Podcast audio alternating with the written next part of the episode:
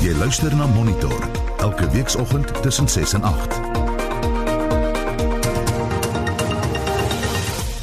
7 minute oor 7 in Monitor vanoggend Amerika se onttrekking uit Afghanistan begin môre op 1 Mei. Ons kyk na die betekenis en die gevolge daarvan en ons bly dan by die onderwerp en fokus op die Amerikaanse president Joe Biden se eerste 100 dae in sy amp. Daar sal veral gekyk word na hoe hy die COVID-pandemie hanteer in die FSA en wat hy doen met die vraagstukke wat so ingrypend deel was van die stryd tussen hom en Donald Trump. Is Biden die president wat die mense gedink het hy moet wees? Het hy die ondersteuning wat hy gedink het hy gaan kry en al dies meer? En net voor 8 vind ons uit waarom 'n gebrek aan 'n stoel 'n groot herrie in Ankara veroorsaak het en wat die gevolge van sogenaamde Sofagate sal wees. Goeiemôre, ek is Anita Visser, welkom by Monitor. Amerika se onttrekking uit Afghanistan begin môre op 1 Mei en sal soos wat tans beplan word duur tot 11 September. Vir meer oor die implikasies hiervan en die logistieke benadering daartoe, praat ons veraloggend met professor Abel Esterhuise van die fakulteit Krygskunde aan die Universiteit Stellenbosch. Goeiemôre Abel. Goeiemôre Anita. Wat presies doen die Amerikaanse soldate nou in Afghanistan? Hoe operasioneel is hulle nog betrokke by die eintlike oorlog? Uh Anita, daar was baie oper, min operasionele betrokkenheid. Uh ek het hierdie week met 'n uh, Amerikaanse kolonel gesels wat uh verlede jaar nog in Afghanistan was en hy het basies vir my gesê hy praat van wireless advice wat hulle gee so hulle selfs nie eers meer ehm um, vegtend in enige hoedanigheid ontplooi saam met die Afghaanse magte nie. Ehm um, om om regtig die onttrekking te verstaan moet 'n mens natuurlik gaan kyk na wat die Amerikaanse oogmerk aanvanklik aan Afghanistan was en in die hand daarvan ehm um, 'n tipe van 'n strategiese ehm um, uh, perspektief gee. Nou die Amerikaners is al sedert 1979 daar en daar was al vroeër druk op Uncle Sam om te onttrek. Hoekom die onttrekking juis nou? Wel, uh, die die historiese perspektief is dood eenvoudig een van ehm um, die die Obama administrasie wat na die Londen konferensie in 2010 eintlik al besluit het om en ook aangekondig het dat hulle magte gaan onttrek. So teen 2014 was feitelik alle ISAF magte die die bystandsmag NAVO NAVO magte ingesluit uh sowel as Amerikaanse magte vir alle praktiese doeleindes aan Afghanistan onttrek gewees uh, onttrek gewees. Hmm. En so wat oorgebly het is in die omgewing van 2000 2500 um, man wat regtig as raadgewende raadgewers um, regdeur Afghanistan opgetree het vir die Afghaanse regeringsmagte. So daar's regtig 'n baie klein kontingent van magte wat wat nog steeds oor is in in in Afghanistan. En ek dink en 'n mens moet die punt miskien eksplisiet maak dat hier is 'n uh, politieke punte wat die Biden administrasie miskien uh, probeer aanteken deur nou dit aan die groot klok klok te hang dat hulle die die magte aan Afghanistan gaan onttrek want daar is regtig baie min magte in in Afghanistan oor. Hoe voel die Afghaanse regering daaroor? Wel, na die die 2010 konferensie en daarna ook die Tokyo konferensie was daar eintlik ehm um, alreeds 'n strategiese uh, oorneem as ek dit so kan sê van alle veiligheidsaktiwiteite deur die Afghaanse regering. Ek dink die Afri Afghaanse regering is goed bemagtig, hulle veiligheidsmagte is goed opgelei. En die dele van Afghanistan wat hulle beheer oor het, het hulle goeie beheer oor en ek dink ook ehm um, jy weet 'n mens moet verstaan hoe lyk die weerstand teen die regering om regtig uh, daardie vraag na behoore te kan te kan antwoord. Hoe gaan die Taliban op die onttrekking reageer? Ja, ek, ek is baie versigtig om te praat oor die Taliban. 'n Mens moet eintlik praat net van die Taliban van Taliban want Ehm um, dis 'n baie losse groepering wat geen koherente organisatoriese en institusionele realiteit is nie. Die Tal Taliban is regtig 'n losse losse organisasie ehm um, en en die Taliban as entiteit het het nie regtig uh, uh die vermoë om oorweeg oorwoe um, 'n veldtog byvoorbeeld van stapel te stuur om uh, die Afghaanse regering uit die uit die kussings te lig nie. Hulle is hulle is logisties baie geïsoleer. Ehm um, Afghanistan was nog altyd geografies 'n baie moeilike land om om beheer oor uit te oefen en en dieselfde is is is geld natuurlik vir die Taliban. So die Taliban ehm um, uh, is in die plattelandse gebiede, maar in die stedelike gebiede ehm um, is die regering regtig in volle beheer en ek ek dink nie die Taliban gaan regtig eh, 'n uh, vreeslike ehm um, probleem wees nie. Sê vir my Abel, wat van die infrastruktuur wat die Amerikaners in Afghanistan geskep het, bly dit nou agter en is daai infrastruktuur beperk tot wapentuig? Uh glad nie die die wapentuig die Amerikaners mense moet onthou nie net die Amerikaners nie maar ook die Britte en die ander magte wat daar was het natuurlik ehm um, die die Afghaanse regering goed bewapen gelaat en hulle het baie van die uitrusting uh oorgehandig aan die die Afghaanse regering. Uh, 'n mens moet ook in gedagte hou dat die die grootste basisse wat wat die Amerikaners en die Britte ehm um, in in Afghanistan gehad het, mense praat in die geval van Brit die Britte kamp uh, Bastion soos hulle dit genoem het in die, in die geval van Ameri Amerika kamp Leatherneck het hulle dit genoem. Nou daardie kampe is eintlik met infrastruktuur en alles net so oorgegee aan die aan die Afghaanse regering ehm um, en en regeringsmagte So da die infrastruktuur is is relatief in plek gelaat. Uh, ek praat van die militêre infrastruktuur en en die wapentuig tot 'n groot mate toe is ook redelik in plek gelaat. So die Afghaanse regering en die, en die regeringsmagte is vanuit 'n veiligheid en militêre perspektief dink ek baie baie goed toegerus vir vir enige bedreiging wat hulle mag mag mee, en en moet mee handel in die toekoms. Is daar baie gebou? Daar's daar's baie infrastruktuur ehm um, opgerig sedert ehm um, sedert die die Amerikaners betrokke geraak het in in in 2001. Ehm um, oor oor 'n tydperk van 20 jaar het hulle het hulle redelik infrastruktuur tot stand gebring.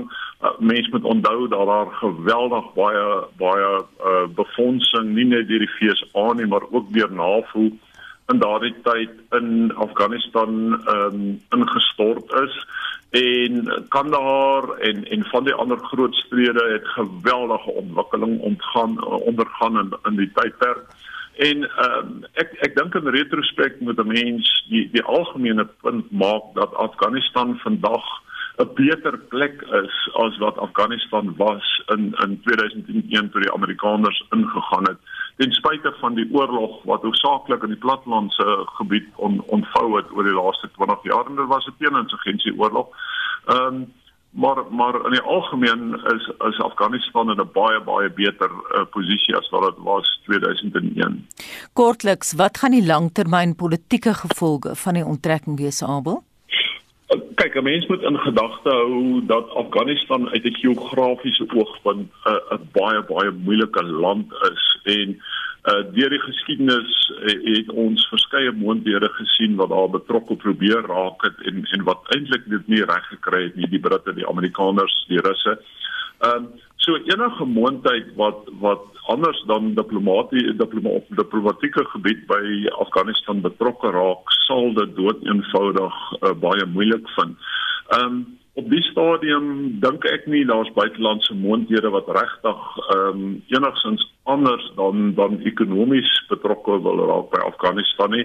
Ehm um, die Russe is natuurlik baie baie besorg oor hulle hulle grens en hulle in uh, hulle hulle soewereiniteit in die noorde. Die Chinese is is hulle ekonomiese en en mynbedrywighede waarby hulle betrokke is. Hulle sogenaamde Road and Belt program sal hulle Afghanistan by wil wil uh, intrek. Ehm um, die die uh, die Iran is definitief nie 'n probleem nie. Indië is weliswaar ehm um, uh, uh, baie betrokke in Afghanistan, maar dis as 'n teenvoeter vir vir Pakistan in die in die suide. En natuurlik ook uh, 'n uh, mens moet in gedagte hou dat daar 'n baie noue verband en en band tussen Turkye en en die Afghane hmm. is. Dis 'n kulturele band, dis 'n taalkundige band. Uh en ek dink daardie band sal sal sterker word. Maar ekonom ag uh, diplomaties en en in die toekoms dink ek uh, Afghanistan gaan redelik op sy eie voete staan. Ek dink nie ons gaan probleme hê met ander mondhede wat daar betrokke sal wil raak nie. Dat die Amerikaanse onttrekking wat kiem gaan skep nie. Baie baie dankie. Eh, daai voorspelling kom van professor Abel Esterhuise van die fakulteit Krygskunde aan die Universiteit Stellenbosch. Die Amerikaanse president Joe Biden is vandag 100 dae in sy amp. Hy het dan ook van dese week sy eerste toespraak in die Kongres gehou. Vir sy indrukke van die Biden administrasie se eerste 100 dae praat ons nou met die politieke en beleidsontleder Theo Venter. Goeiemôre. Môre Anita. Biden het nou sy eerste toespraak aan 'n gesamentlike sitting van die Kongres gebruik om te fokus op COVID, maar hy het ook onderneem om Donald Trump se belastingverlagingswet om te keer. Wat dink jy daarvan? Ja, is interessant. In die eerste jaar van 'n president lewer hy nie 'n staatsrede of 'n sogenaamde state of the nation nie, maar wat ons gehoor het in die laaste dag of twee was presies dit ehm um, sy staatsrede na 100 dae as president en ehm um, die interessante syfers wat na vore tree is dat Biden nog steeds sit met 'n breë ondersteuningsbasis van omtrent 53% van alle Amerikaners wat meer is as wat Donald Trump ooit in 4 jaar kon kry. Donald Trump kon dit nooit regkry om meer as 50% van die algemene steun op homself te verenig nie en ons het geweet dat Biden ehm um, 'n baie moeilike tyd gaan ervaar om ehm um, die die koronavirus proses ehm um, voort te sit. Hy het wat dit aanbetref uitstekend gevaar waar hy beloof het om om net 100 miljoen uh inentings te doen het um, hulle uiteindelik 235 miljoen inentings gedoen in die afgelope 100 dae wat uitstekend is. Dit is nie so goed so sekere kleiner lande soos Israel nie, maar dit is uitstekend. En mm -hmm. natuurlik is die groot vraag en dit is die groot geveg in Amerika, die ekonomiese geveg oor hoe gaan hy finansier wat hy wil doen. En die een manier waaroor hy reguit was in sy toespraak is hy gaan belastings verhoog. Hy gaan belastings verhoog van ryk mense, maar hy gaan nie die belastings verhoog van die middelklas nie. En dit het natuurlik um, groot steun onder sy ondersteuners. Maar as jy nou kyk na wat die Republikeine dink van ehm um, Biden, dan is iets soos 93% van Republikeine is negatief teenoor hom ingestel. So die pogings wat hy aanwend om 'n uh, bietjie meer vereniging in Amerika te bring om die gepolariseerdheid te oorbrug, die het in 100 dae nog nie gewerk nie. Wat gesondheidsorg betref, was sy fokus op sy voorgestelde familieplan. Dis nou wat bekostigbare kindersorg behels, maar dit beteken omvattende veranderings aan die land se welsynsstelsel, onder meer gratis kleuterskole, collegeonderrig en betaalde gesinsverlof. Is dit haalbaar op die langtermyn toe? Ja, ek ek was nogal beïndruk oor dis so 3 of 4 elemente van waarvan jy nou praat die die die familieplan van van van hom. En dit is om by die 12 jaar normale skoolonderrig 2 jaar by te sit voor skool en 2 jaar by te sit na skool. Om uiteindelik dan te kom by 'n periode van van ongeveer 16 jaar waar 'n kind um, uh, op skool gaan wees. En dit sluit dan in 2 jaar se college training wat ons nou in Suid-Afrikaanse terme waarskynlik van noem die eerste 2 jaar van universiteitsonderrig ehm uh, en wat wat gratis moet wees. So hier hier hier kom die koste gratis hoër onderwys. En jy sal onthou dat een van sy opponente uh Bernie Sanders het baie klem gelê in die in die tydperk voor die verkiesing oor die skuld wat Amerikaanse studente opgebou het en dat die Amerikaanse regering iets moet doen aan daai skuld. Nou hier is 'n gedeeltelike oplossing, nie volledig nie, gedeeltelik. Ek dink die hele storie oor ehm um, bekostigbare kleuteronderrig, hulle noem dit affordable childcare, is baie belangrik en ek dink dat sy versterking van die Affordable Care Act wat niks anders as die Obamacare is nie, is net so belangrik en dit is een van die uitwerkings wat COVID-19 natuurlik op die Amerikaanse samelewing gehad het. Amerika dink ek het met 'n bietjie introspeksie besef as die rykste land in die wêreld is hulle gesondheidstelsel eintlik ver ver agterweë by die van Kanada of Europa of enige van die ander lande wat soos hulle lyk in terme van jou toegang tot mediese sorg mm -hmm. wat in Amerika baie duur is. Kom ons kyk internasionaal. Jou kollega en spesialis op internasionale verhoudings, professor Jolanda Spies, sy is van die Zayed Universiteit in Abu Dhabi. Sy het vir my gesê sy was verbaas oor Biden se sterk aanslag met sy buitelandse beleid. Hy het uh, 'n rukkie gelede na president Vladimir Putin verwys as 'n moordenaar en hy het hierdie week nog die Turke omgekrap toe hy verwys het na die 1915 Armeense volksmoord. Nou professor Spies sê vir my, daar is verwag dat Biden se buitelandse benadering die van 'n vriendelike ou oomie sou wees en dis nie die geval nie. Stem jy saam met haar ontleding? Ja, ek stem ek stem 100% met haar saam. Hy het dit duidelik gemaak dat klimaat en hoe hy die klimaat gaan hanteer, ehm, 'n um, deel gaan wees van sy buitelandse beleid en hy doen dit met die Paryse ooreenkoms. Hy het dit duidelik gemaak dat Amerika is weer deel van die internasionale gemeenskap met ander woorde die lede van NAVO, ehm um, die die Europese moondhede voel op hierdie stadium 'n klein bietjie beter. Ek kan nog nie sê hulle is op hulle gemak oor die Amerikaners nie want ek dink ons maak 'n fout as ons dink die Amerikaners is 'n betroubare vennoot, maar ek dink onder Biden meer betroubaar en meer voorspelbaar as wat dit in 4 jaar onder Donald Trump was en ek dink um, ja, sy sterk optrede teenoor China in China se se se agterplaas as ek dit so kan noem sy optrede teen die Russe en Turkye. Turkye is natuurlik iemand wat verskriklike kansse gevat het onder onder Donald Trump en ek dink um, onder um, Biden sien ons beslis um, die Amerikaners gaan dit nie sommer meer toelaat nie. Sê vir my wat is volgens jou sy grootste gebreke? Wel ek dink sy grootste gebreke en dit sien ons ook in die ondersteuning is tweeledig. Die een is skielik is die erfenis van Donald Trump. 'n uh, Amerika wat wat deurloop onder wapengeweld. Um 10 mense per dag word doodgeskiet. Um Biden het syfers genoem oor oor die aantal moorde en en skietvoorvalle waarby gewere en pistole en revolvers en en wapens in die algemeen gebruik word. Hy kon nog niks daaraan doen nie en hy kan niks daaraan doen as hy nie die ondersteuning van die Republikeine het nie want in die Senaat het hulle 'n meerderheid van 1 en uh, om enige so iets te verander beteken dit Senaatsoptrede tot nou toe onsuksesvol. En dit is waarskynlik sy grootste uitdaging. En die tweede een is die hele immigrasiebeleid. Ons weet nou dat Trump het 'n radikale immigrasiebeleid gehad waar mense by die grense gestop is die mure is gebou die mure is verhoog die mure is verleng en skielik onder Biden is daar 'n toevloei van immigrasie en dit is een van die punte in in onlangse opnames waar hy maar 41% ondersteuning gekry het. Met ander woorde, 59% van die Amerikaners dink hy doen 'n slegte job van die immigrasiebeleid in Amerika op die oomblik. En uh, net laasens as ons kan kyk na wat ons van hom verwag of kan verwag, hy het nou in vele opsigte die toon aangegee wat sy prioriteite betref. Wat dink jy kan ons verder van die Biden administrasie verwag?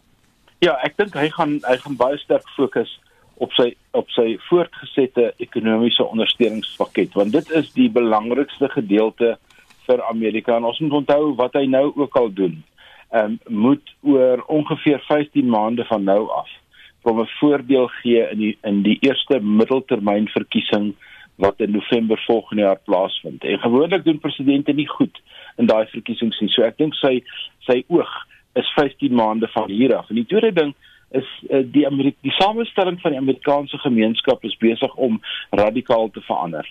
As jy net kyk na die sosiale samestelling, die demografie, dan is die vinnigs groeiende uh inwoners van Amerika op die oomblik. Dis die Spaanssprekende inwoners. Hulle groei teen ongeveer 60%. Daar is nou 60 miljoen van hulle uit 350 miljoen Amerikaners. Hulle groei vinniger as die swart bevolking. So die kompetisie tussen Spaanssprekend en swart is besig om 'n sosiale krisis in Amerika te word en die laagste groei vind onder wit mense plaas. So daar is 'n daar is nuwe sosiale verskynsels wat in Trump se presidentskap na vore gaan tree en ek dink die hele verskynsel van Black Lives Matter was maar net 'n aanduiding van 'n veranderende sosiale patrone in Amerika wat groot uitdagings aan die Biden presidentskap gaan lewer en na hom. Baie dankie en so voorspel die politieke en beleidsontleder Theo Venter. Jy luister na Monitor elke weekoggend tussen 6 en 8.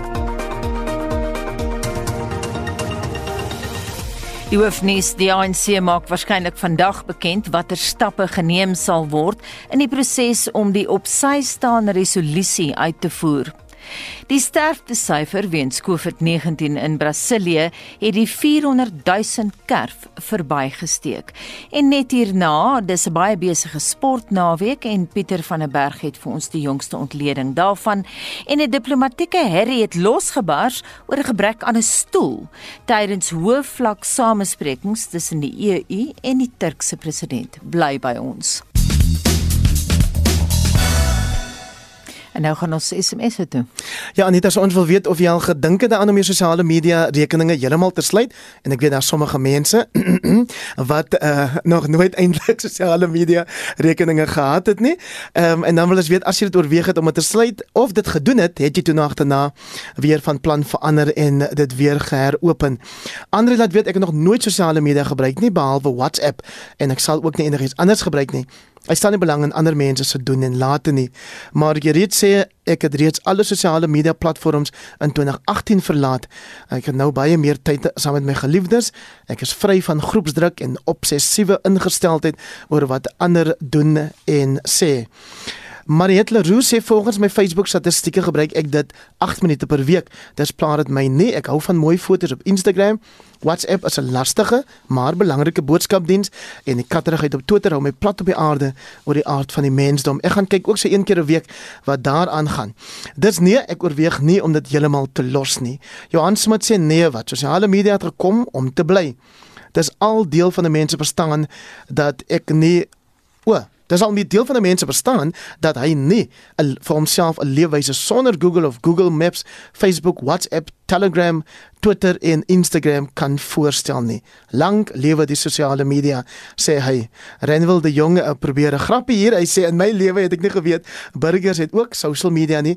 Hulle het blykbaar hulle chips klaar gehad. En dan 'n laaste een van Rex Bester wat sê Vir 'n groot persentasie van sosiale media gebruikers is kommunikasie, bemarking en vriendskappe belangrik. Ek persoonlik maak staat op sosiale media om nuus van die dag te bekom. Dit is beslis my voedsel vir die dag. 45889, dit is ons SMS nommer. Die weet jy mos nou al teen 150 elk of jy praat saam op die monitor en Spectrum op RSG Facebookblad of anders stuur jy vir ons stemnota aan 076 5366961.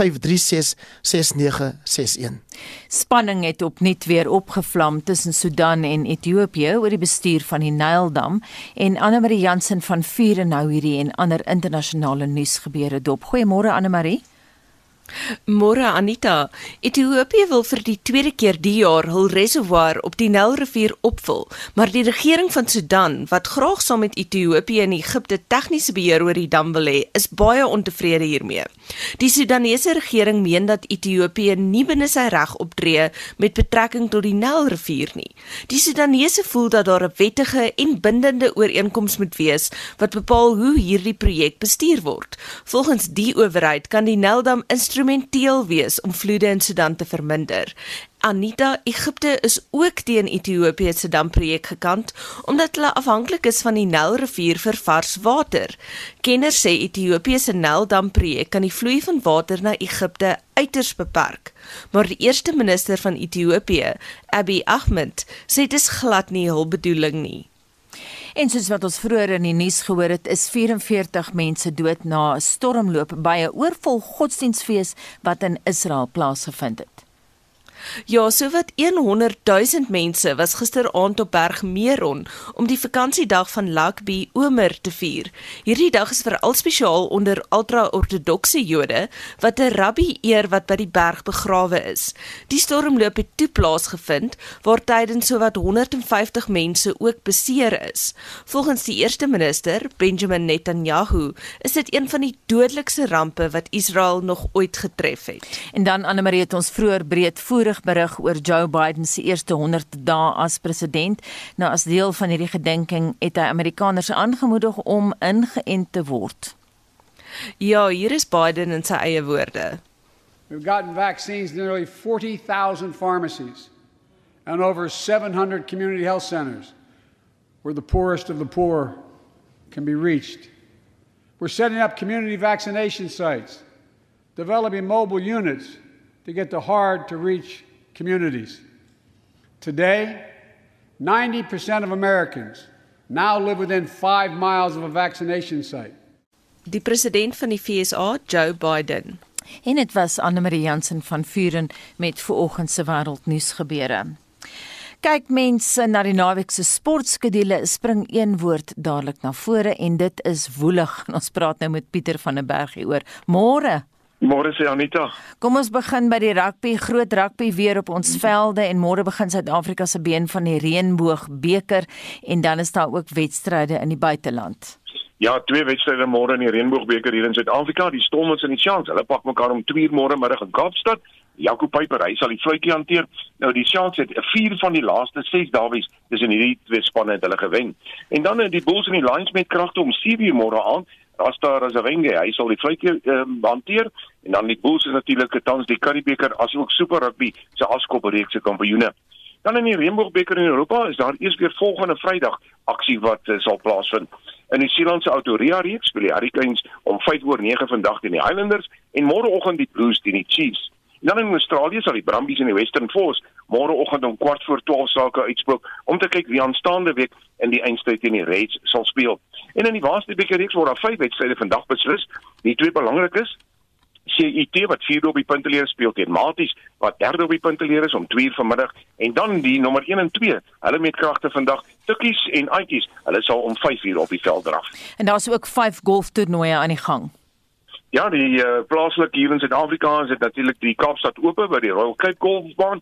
Nou gister na die eerste ronde is daar net uh, 50 spelers van die 156 wat beter syfer kom vaar. Jacques Blou, hy is die voorloper op 600 syfer. Op die Europese toer word die Tenerife Ope in Spanje gespeel en daar is Torben Olsen die voorloper op 900 met Dean Burmester en Gary Diego van Suid-Afrika op 800 net een agter die voorloper. En dan op die Amerikaanse toer aan Italia is die fokus op die Walspar Kampioenskap. Nou na die eerste ronde is Keegan Bradley die voorloper met 2 houe. Hy is op 700. Brandon Grace is 28ste op 200. En dan in die vroue se LPGA toer, dis die wêreldkampioenskap daar in Singapore, is die tweede ronde reeds aan die gang en daar is uh Ying King Park en Ingbi Park, die twee voorlopers op 900. Ashley Bohai van Suid-Afrika is op plus 4. Sy is 13 houe agter die voorlopers. Dan hier in Suid-Afrika is die vroue slaas by die Joburg Ope. Nou na die tweede ronde gister is Lee Anpace die voorloper met 2 houe. Sy is op 200, maar die uh, derde ronde kon nie vanoggend om 7:00 begin nie, want uh, na al die reën hier in Johannesburg sal dit eers later vandag afskop. Gister is ook twee wedstryde in die Indiese Premier Cricket Liga afgehandel en daar was toetskriket. Ja, kortliks wat die Indiese Premier Liga betref, die Delhi Capitals het die Kolkata Knight Riders met 7 paaltjies geklop en dan die Mumbai Indians, hulle behaal 'n oorwinning van 7 paaltjies oor die Rajasthan Royals. Quinton de Kock, hy het 70 lopies nie uit nie aangeteken. Dan in die tweede toets tussen Sri Lanka en Bangladesh, kom Sri Lanka eerste en na dag 1 was hulle op 291 vir 1. En Zimbabwe, hulle het in hulle eerste beurt daar in Harare net 176 lopies aangeteken teen Pakistan en Pakistan was op 102 sonder verlies aan die einde van die dag. Nou verlede week is uh, was sake liewer stil op die renbaan. Hoe lyk dit nou? Ja, daar is sommer dubbel deur lekkerte. Die oefenrondes begin vandag uh, en die kwalifikasie van môre plaas uh, vir die Wesspringrooster en dan Sondag die twee hoofwedrenne. Nou waarna verwys ek? Dis die MotoGP, die Spaanse Grand Prix op Jerez daar in Spanje. Die uh, Wesspring is om 2:00 Sondagmiddag en in Formule 1 is dit die Portugese Grand Prix daar op Portimao in Portugal wat om 4:00 Sondagmiddag begin. Die naweek se sokkeraksie aksie liewer het reeds gisteraand begin en daar lê 'n hele paar wedstryde voor of hoe Pieter? Ja, nie dan gister die eerste been van die Europese Liga se halffinale stryde is gespeel nou ek giggel skoon want Man United het 'n reuse oorwinning oor Roma behaal 6 doele teenoor 0 en dan Villarreal het vir Arsenal met 2-1 geklop. Vandag in die Engelse Premier League is dit Southampton teen Leicester City. Dis 9uur vanaand en dan vanmiddag in DStv se plaaslike Premier League speel Maritzburg United teen Swallows en dan Shaun Jooste hy sal vanmiddag in Spectrum terug wees met meer oor die sport. Baie dankie dit aan Pieter van der Berg. 'n Diplomatieke herrie het losgebars oor 'n gebrek aan 'n stoel tydens hoë vlak samesprekings tussen die EU en die Turkse president Tayyip Erdogan in Ankara. Die drama is nou herdoop tot Sofagate. Die kruks daarvan is dat die EU Kommissie se president Ursula von der Leyen en die EU-raad se president Charles Michel hulle wou sit maak langs president Erdogan maar daar was net twee stoele. Die gasheer het vinnig gaan sit waarna Charles Michel dieselfde gedoen het en daar staan Ursula von der Leyen toe voor haar mans kollegas sonder 'n stoel in sig. Die soort diplomatieke flater is uiters seldsaam omdat lande se onderskeie protokolhoofde alles tot in die fynste besonderhede beplan. Arme Ursula moes haar toe gaan sit maak op 'n bank, maar ver van die twee mans af. Die EU-raad se protokolhoof sê egter die Europese span het geen toegang gehad tot die spesifieke kamer nie en op haar beurt spoeg von der Leyen swaal en sy is nie die enigste nie. Ons praat veraloggend hieroor met professor Amanda Gous van die Universiteit Stellenbosch. Goeiemôre. Goeiemôre Anita en goeiemôre aan die luisteraars. Baie ontleeders sê nou Amanda Sofagate is 'n storm in 'n teekoppie. Von der Leyen sê egter in 'n gala aan dit gaan nie hier oor 'n sitplek nie. Dit gaan oor die wese van wie ons is. It goes to the core of who we are. Wat dink jy? Ja, want ek dink dit gaan hier oor die seksisme wat diep opgesluit is in mans se persepsies van vrouens in die politiek. Uh ongeag die protokol, uh, Michelle het nie nodig gehad om eers te te gaan sit nie. Hy kon uh, seker gemaak het dat sy ook 'n sitplek kry. So dit is daai soort van onsigbaarheid baie ehm um, dikwels rondom vroue dat hulle nie gesien word as manse gelyke nie. En ehm um, as ons kyk na van der Leyen, sy is die president van die uh, eh, EU kommissie en Michelle van die raad en hulle is eintlik ewe knieë. Mm.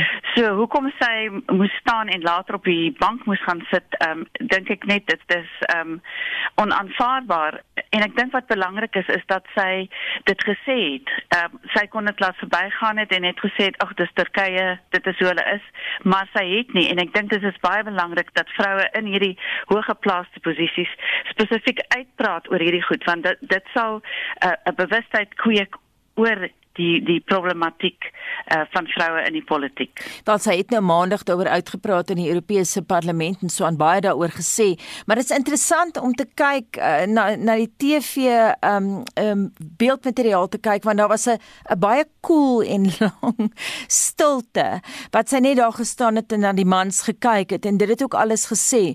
Maar ek weet nou Amanda, jy het kontak met jou kollegas in Turkye met feministe in Turkye. Het die storie daar opslaag gemaak? Nie seker rondom haar nie, maar waaroor dit wel opslaag maak en nou al vir maande opslaag maak is die feit dat Turkye onttrek het aan die Istanbul konvensie wat gaan oor ehm um, die hantering van geweld teen vroue en wat 'n verpligting op regerings plaas um, om uh, geweld teen vroue hok te slaan. Nou die geweld teen vroue in Turkye is omtrent op 'n soortgelyke vlak as in Suid-Afrika. Dit is aanhoudend uh, in die laaste jaar is 300 vroue dood in femicide waar waar uh, vrouens vermoor word deur hulle uh, intieme ehm um, vernote of mans en so aan. Ehm um, en daar was 'n hele paar protesoptogte uh, baie groot protesoptogte teen teen die geweld. So die die probleem met Erdogan is dat sedert hy aan bewind gekom het, gaan die hele posisie rondom vroue se gelykheid en vroueregte agteruit.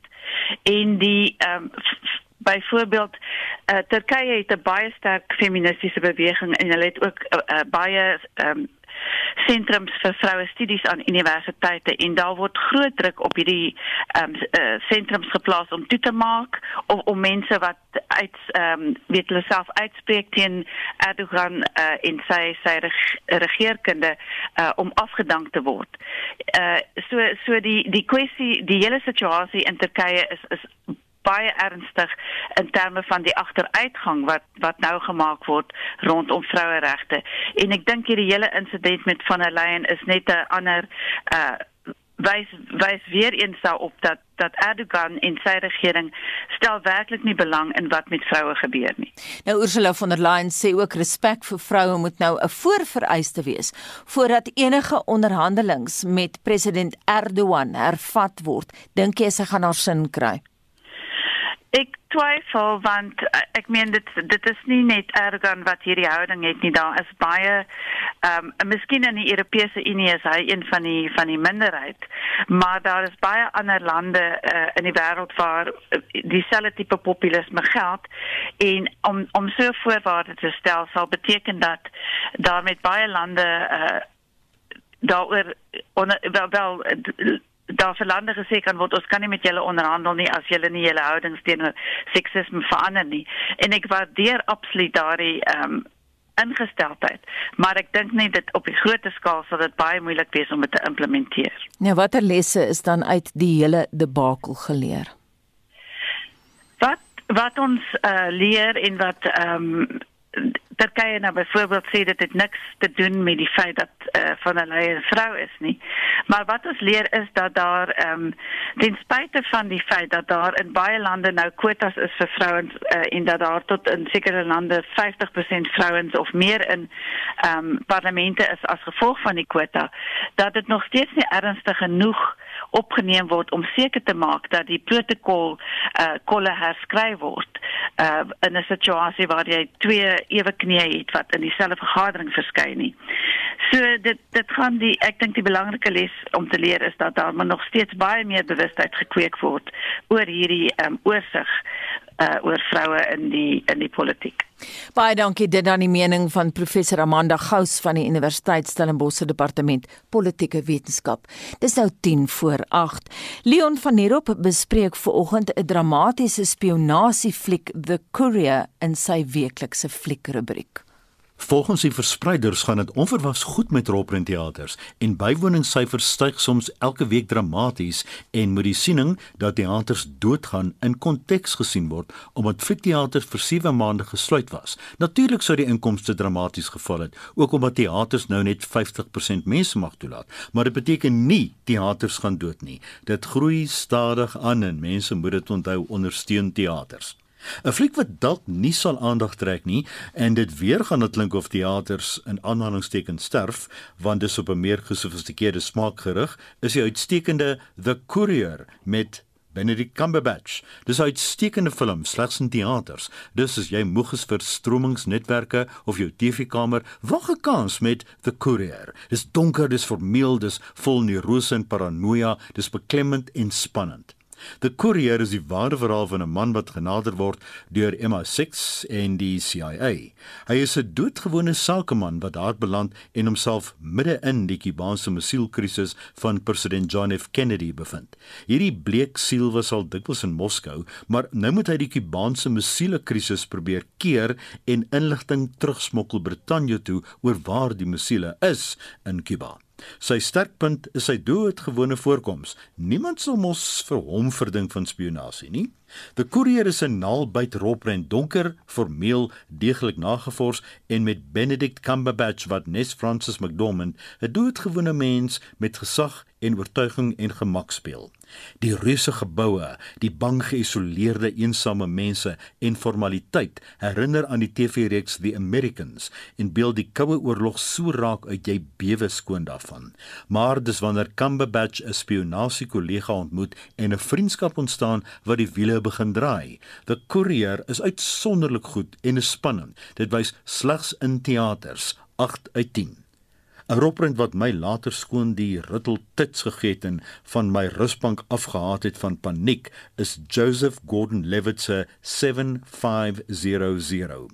Hy's 'n vlieënier en die hele fliek speel in 'n stuurkajuit of cockpit af. Dit klink vreemd om vir 85 minute saam met 'n vlieënier vasgegrendel te wees en 'n krisis te oorkom. Levitt is uitstekend as die vlieënier en die draaiboeke slim.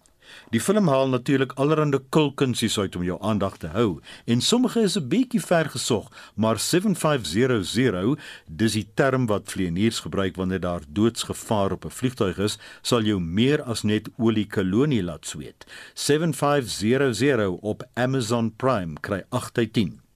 'n Vrou is bitter nadat haar seun deur 'n pedofiel vermoor is. Hy dien sy tronkstraf uit en kry 'n nuwe identiteit en word vrygelaat. Sy ontdek dan dat hy naby haar woon en besluit hy is nog nie genoeg gestraf nie. Die roprent vra vir jou, wat sou jy gedoen het? Want die vrou maak sy ware identiteit op die internet bekend en sy word daarvoor gestraf. Ja, die fliek is strak en daar is skokkende oomblikke, maar dis die morele kwessie wat tref. Kan 'n mens ooit genoeg gestraf word vir 'n sinnelose moord op 'n kind of kan jou haat so buitensporig raak dat jy jouself en jou familie na waansin dryf? The Victim is 'n reeks waar jy toneel vir toneel met verbasing reageer en jou sal laat vergeet van Bridgerton se frilletjies, geparfumeerde borshare en kampvralletjies. The Victim op Netflix 8 uit 10. Lees die resensies op ons webtuiste by rsg.co.za en klik op fliekrubriek. Baba se geslag, wyd bekend na ontploffing, het 'n koerantopskrif van dese week gelei. Die hoofredakteur en uitvoerende direkteur van die Woordeboek van die Afrikaanse taal, Dr Willem Botha, bespreek daarom vanoggend die woorde geslagonthullingspartytjie, dis 'n lang een daai, en swanger. Die knal waarmee 'n Amerikaanse egpaar hulle ongebore baba se geslag wou onthul, het tot berigte van 'n moontlike aardbewing in New Hampshire gelei. Die geleentheid was 'n gender reveal party. 'n Amerikaanse gebruik om die geslag van 'n ongebore baba op 'n partytjie bekend te maak. Die Amerikaners se gender reveal parties of geslagonthullingspartytjies het heel onskuldig begin met swanger paartjies wat ballonne gevul met gekleurde poeier laat bars het die eet van pink of blou koek en so meer. Mettertyd het die partytjies egter meer uitsputtig en selfs gevaarlik geword. Ernstige beserings en selfs sterftes is die afgelope paar jaar gerapporteer. Die trotse amperpa het 36 kg van die plofstof Tannerite gekoop vir die partytjie by die Toromayo steengroef. Die geweldige ontploffing wat hierop gevolg het, het gelei tot berigte van 'n aardbewing nadat skade aan huise in die omgewing aangerig is. Die pa van die ongebore baba het hom vervolgens aan die polisie oorgegee. Ek het die frase swanger paartjie gebruik wat dalk vreemd mag klink, maar swanger is een van daardie woorde wat betekenisuitbreiding ondergaan het. Swanger word nou ook gebruik ten opsigte van 'n paartjie en beteken dan in 'n situasie of toestand waar 'n kind verwag word. Jy kan dus nou sê ons is swanger. Swanger wees het ook die betekenis van iets groots inhou, baie potensiaal hê of baie beloof, soos in die sin die jaar is swanger van mooi vooruitsigte. Die koerantberig meld nie of die geslagsonthullingpartytjie wat met die enorme knal gepaard gegaan het in sy eintlike doel geslaag het nie, naamlik om die geslag van die ongebore baba bekend te maak nie. Die verslag van die Kingston Polisie Departement meld egter dat die ontploffing 'n blou kleurige poeier oor die steengroef geskiet het. Nou ja, die man daar aan die woord was eh, Willem Botha. Hy is hoofredakteur en uitvoerende direkteur van die Woordeboek van die Afrikaanse taal. En as jy 'n woord wil borg of koop, besoek www.wat.co.za. Ek herhaal www.wat.co.za of Google eenvoudig borg 'n woord. Klaar met die verkeer maar nog nie met die SMS en die uh, laaste uh, terugvoer van die luister. Jy laas nog nie klaar nie Anita. Um, Tolo Hatem sê my sien dit het dit raak opgesom. Hy sê Facebook is soos 'n leë yskas. Jy weet hy is leeg, maar jy maak nog steeds die deur oop. Vir my is dit handig sê uh, Tolo om die belangrikste nuusgebeure en almal se reaksie daarop te lees. Verder is die yskas leeg. Alta Lapskag nie sê advertensies in die middel van artikels of musiekuitvoerings, flieks en onderhoude Dis natuurlik op YouTube dink ek laat my voel om liewer maar sosiale media te laat vaar en dan Rensha Maslow Marsdorp wat sê ek het reeds my Instagram, Twitter, TikTok en Snapchat gesluit. Daar's nog net die Facebook waarmee ek sukkel aangesien ek dit gebruik om te soek vir werk. Ek gebruik ook nie meer WhatsApp nie want ek kry elke maand duisende SMS'e op my selfoon wat ek gebruik om met my mense in kontak te wees. Vernaam Twitter is 'n vieslike nes sê Rensha van haat en rasisme teenoor wit mense in Indiërs. En dan uh, Annelie Muls wat sê The Social Dilemma op Netflix. Die het my oë oopgemaak. Nes ander lekkernye moet sosiale media met matigheid gebruik word. Stel jou netwerk tuiste so op dat jy sien wat jy wil sien. As jy gaan soek vir negativiteit, vir negativiteit, sal jy dit kry. Bly weg van die kommentare af. En dan 'n laaste een van Johanna Skolt wat sê baie daar weet ek nie eens waar my selfoon is nie. Ek vat dit nie eens saam tuin toe nie, want dan wil almal weet waar is ek. Bel my op my landlyn as jy my soek, want ek kan hom hoor lei. Ons gaan nou van die SMS'e gaan ons na dagboek toe. Wat is op Spectrum se dagboek? Die sperdatum vir die opsy staan beleid in die ANC verstrek vandag verlede wat by korrupsie betrek word. Die minister van menslike nedersettings, water en sanitasie besoek die Nelson Mandela Bay Metro's in Kobega, soos wat dag 0 weens erge droogte naderkom. En ons vra of ons werklik verbaas moet wees dat president Cyril Ramaphosa tog voor die sondekommissie verskyn het. Dankie en, Anita. Dankie Anne Marie. Laaste woord aan Anne Marie vanoggend. Ons groet namens ons waarnemende uitvoerende regisseur Desendrik Martin. Die redakteur vanoggend op die man in die warm stoel was Justin Kennerly en ons produksieregisseur Silwester Komana. My naam is Anita Visser.